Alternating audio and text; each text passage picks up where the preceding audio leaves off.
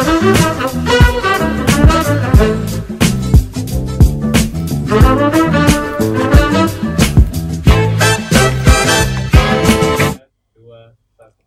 Selamat datang di Lini Podcast, ngobrol lebih dekat tentang gaya hidup sehat. Jadi spesial Ramadan, mari kenali lebih dekat tentang puasa dan manfaatnya bagi kesehatan.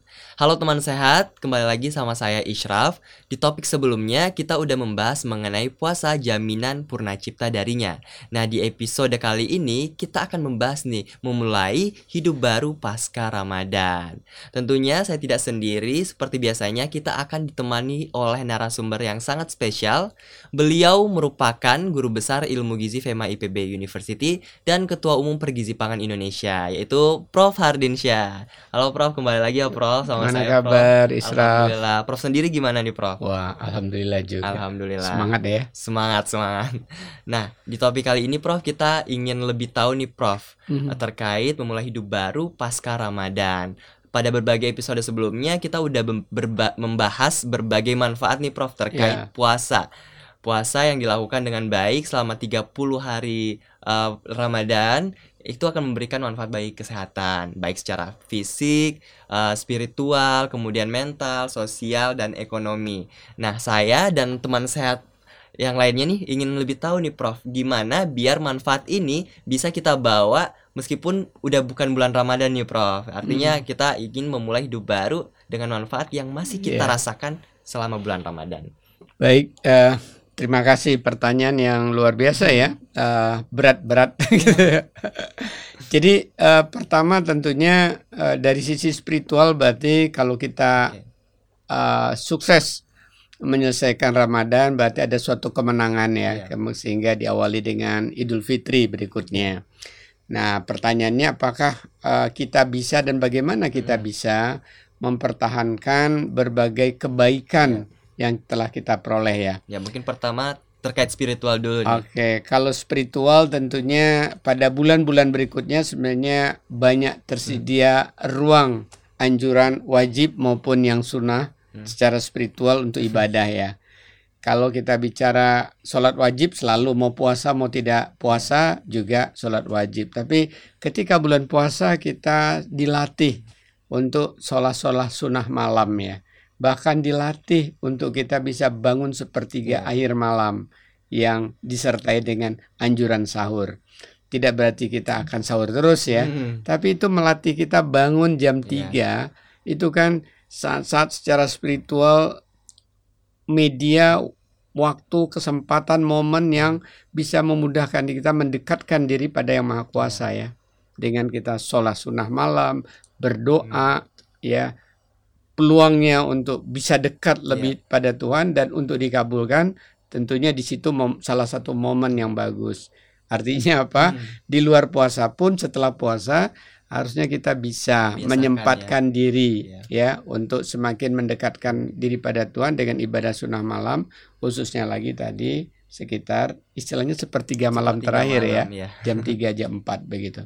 Itu secara spiritual. Spiritual yang lain juga ya ibadah sunnah. Hmm. Kalau kemarin kita juga banyak ibadah sunnah di puasa mungkin nggak sunnah-sunnah rawatib istilahnya yang menyertai sholat wajib ya, ya sebelum subuh kemudian uh, ketika kita setelah zuhur hmm. ketika kita setelah asar ketika kita setelah maghrib ya itu bisa di tambahkan diperkaya. Tentunya mungkin nggak bisa langsung dosis tinggi ya.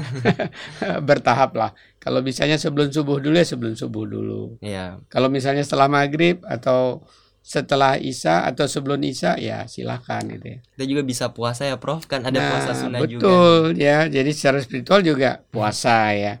Kalau di luar sana kan saudara-saudara kita banyak yang puasa tanpa cari pahala. Yang ya. penting dia bisa kesehatan, slim ya bisa sehat. Nah, ini kan jadi manfaatnya double ya. Double. Pahala dapat, kemudian kalau puasa Senin Kemis, kemudian ya. dapat lagi ya mempertahankan melanjutkan, melanjutkan kesehatan diri. yang kita raih, manfaat kita raih ketika puasa. Ter terkait spiritual Prof. Nah, kalau dari fisik sendiri gimana Prof?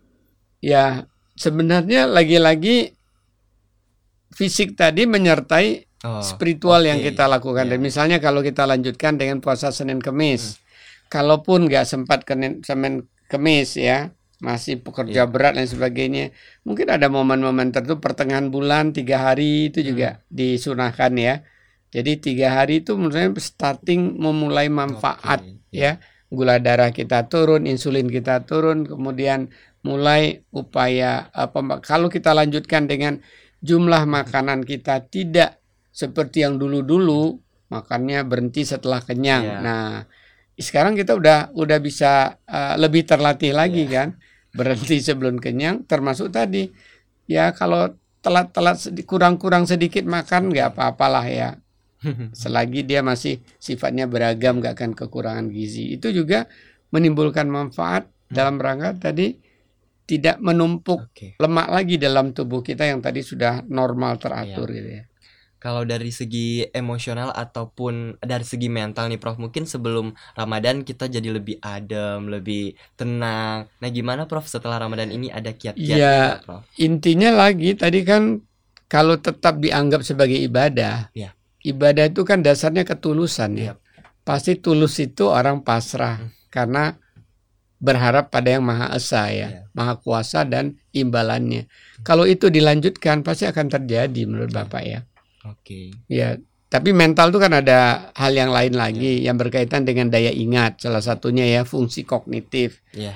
Nah, itu tadi kalau bisa juga ada puasa berselang. Hmm.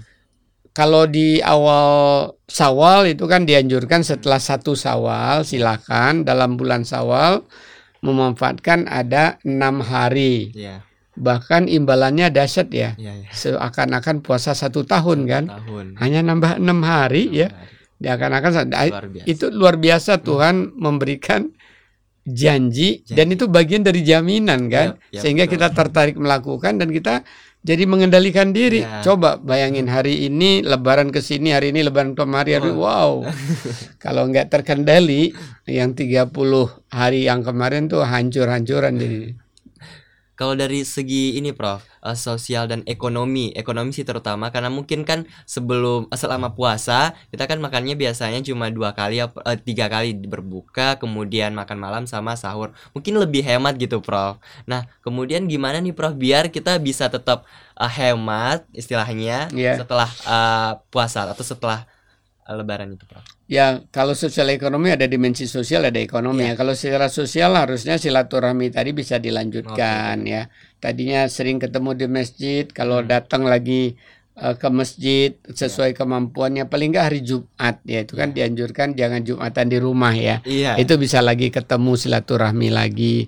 Kalau bisa subuh bersama itu juga bisa meningkatkan hubungan-hubungan sosial lagi. Dan uh, ekonomi itu mengikuti hubungan-hubungan sosial ya Oke. semakin orang rajin silaturahmi insya Allah panjang umur dan rezeki kan dibalik Ya. itu dijanjikan ya nah masalahnya tadi di luar puasa akan terjadi pemborosan ini juga tanda petik ya apa Ya. betul ya kalau tadi pada episode yang lalu Bapak sudah hitung ya Hmm. karena ketika puasa Ramadan kita itu ternyata 2930 hari itu bisa 100 kilokalori terjadi efisiensi Oke. menurun kebutuhan 5% sampai 10%. 5% kalau 2000 berarti 100. Ya. Tapi kalau 10% orang itu dapat efisiensi terjadi Mm-mm.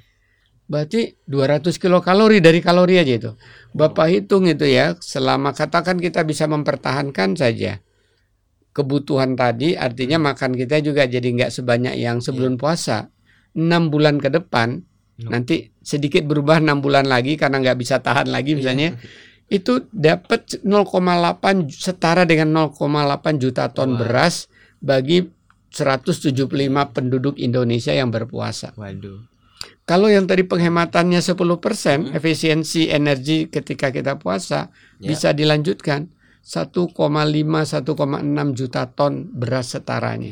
Itu kan berarti nggak perlu impor ya. ya, karena kita Iya, bisa iya. menghemat produksi menghemat. beras karena terjadi Nah, kalau di SDGs namanya itu konsumen yang bijak. Oke. Ada kan butir SDGs ya. konsumen yang bijak itu gimana? Produsen dan konsumen yang bijak. Artinya kan konsumen bijak tadi bisa mengatur mana sih yang pantas tidak pantas untuk dimakan. Ya kalau makan berlebihan itu kan nggak pantas. Ya, ya. Merusak diri sesungguhnya kan. Ya.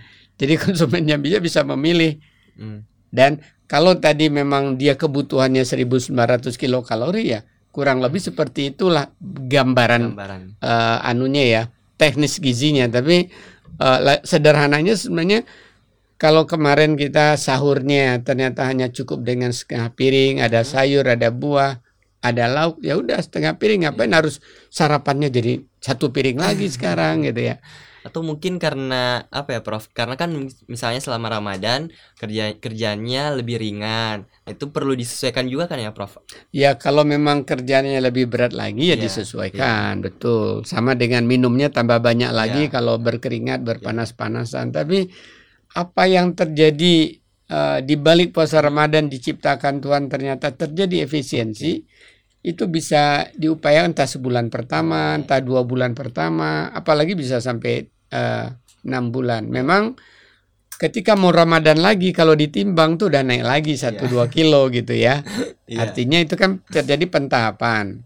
Nyatanya juga eh, binatang-binatang uh, di musim dingin memang sebelum musim dingin dia menggemukkan badan oh, dulu iya, untuk, iya. Cadangan ya, untuk ketika ya. dia uh, istirahat ya. Nah bisa juga sih kalau hanya satu kilo sih nggak ya. nggak signifikan ya, lah nggak nggak terlalu berpengaruh ya atau nanti uh, upaya kita akan kembali lagi. Tapi kalau bisa bertahan, ya. ini kan tadi bagaimana kita kiat supaya hmm. kita bisa hidup uh, seperti kehidupan baru lagi setelah ya. puasa kan begitu tadi. Nah, mungkin terakhir nih Prof, mohon ya. berikan uh, tipsnya nih Prof, gimana biar kita memulai hidup baru setelah Ramadan itu tetap sehat dan bisa membawa manfaat-manfaat yang sebelumnya di Ramadan setelah ke setelah Ramadan. Ya, kembali pertama tentunya kita perlu meyakini bahwa uh, manfaat puasa itu ada dan kalau kita coba uh, maintain manfaat ini, kita coba pertahankan manfaat ini akan tetap bermanfaat buat kita. Yeah. Bahkan kalau kita laksanakan sebagai bangsa, ada 175 juta muslim di Indonesia, itu dampaknya buat bangsa dan masyarakat jadi besar gitu. Yeah. Nah, kiatnya tentunya Pertama ya tolong deh di satu Sawal Idul Fitri itu jangan terlalu boros. Hmm. Jangan terlalu mengejar apa ya uh, banyak uh, makan yang serba hmm. serba lontong disediakan hmm, ada lagi mie ada lagi nasi ada lagi ketupat ada lagi ketan ada lagi kue ada lagi uh, gule ini gule itu ada lagi uh, kue ini kue itu yeah. ada lagi rendang ini rendang itu ya please Eh, kita berupaya yang sudah kita mulai sadar paham bahwa puasa itu bermanfaat dan kalau kita bisa kendalikan hmm. ya tidak langsung terjerumus pada makan banyak pada hari pertama berikutnya hari berikutnya atau kendalikan dengan mulai puasa sawal itu salah satu cara kiat kita bisa mengendalikan diri memulai hidup baru di mana tubuh kita sistem ya. hormonalnya semakin bagus, sistem imunitas kita semakin bagus. Sayang ya kalau kita cemari lagi gitu. Hmm. Kalaupun juga terpaksa karena kerja dan sebagainya ya pelan-pelan kemudian kita atur lagi dengan ya. misalnya intermittent fasting, puasa Senin Kemis atau puasa di tengah bulan atau pas misalnya pas nanti bulan Muharram, puasa bulan Muharram ada sunahnya gitu ya, ya. sambil dapat pahala. Baik, terima kasih banyak Prof. Banyak banget nih manfaat yang bisa kita dapat dari obrolan kali ini. Semoga juga bermanfaat ya bagi teman sehat semua. Terima kasih juga kepada teman sehat yang sudah mengikuti Lini Podcast sampai akhir. Jangan lupa untuk terus ikuti Lini Podcast. Teman sehat bisa menikmati melalui channel YouTube Lini Sehat dan Spotify. Nah, teman sehat juga jangan lupa untuk tetap menerapkan protokol kesehatan di mana pun teman sehat berada.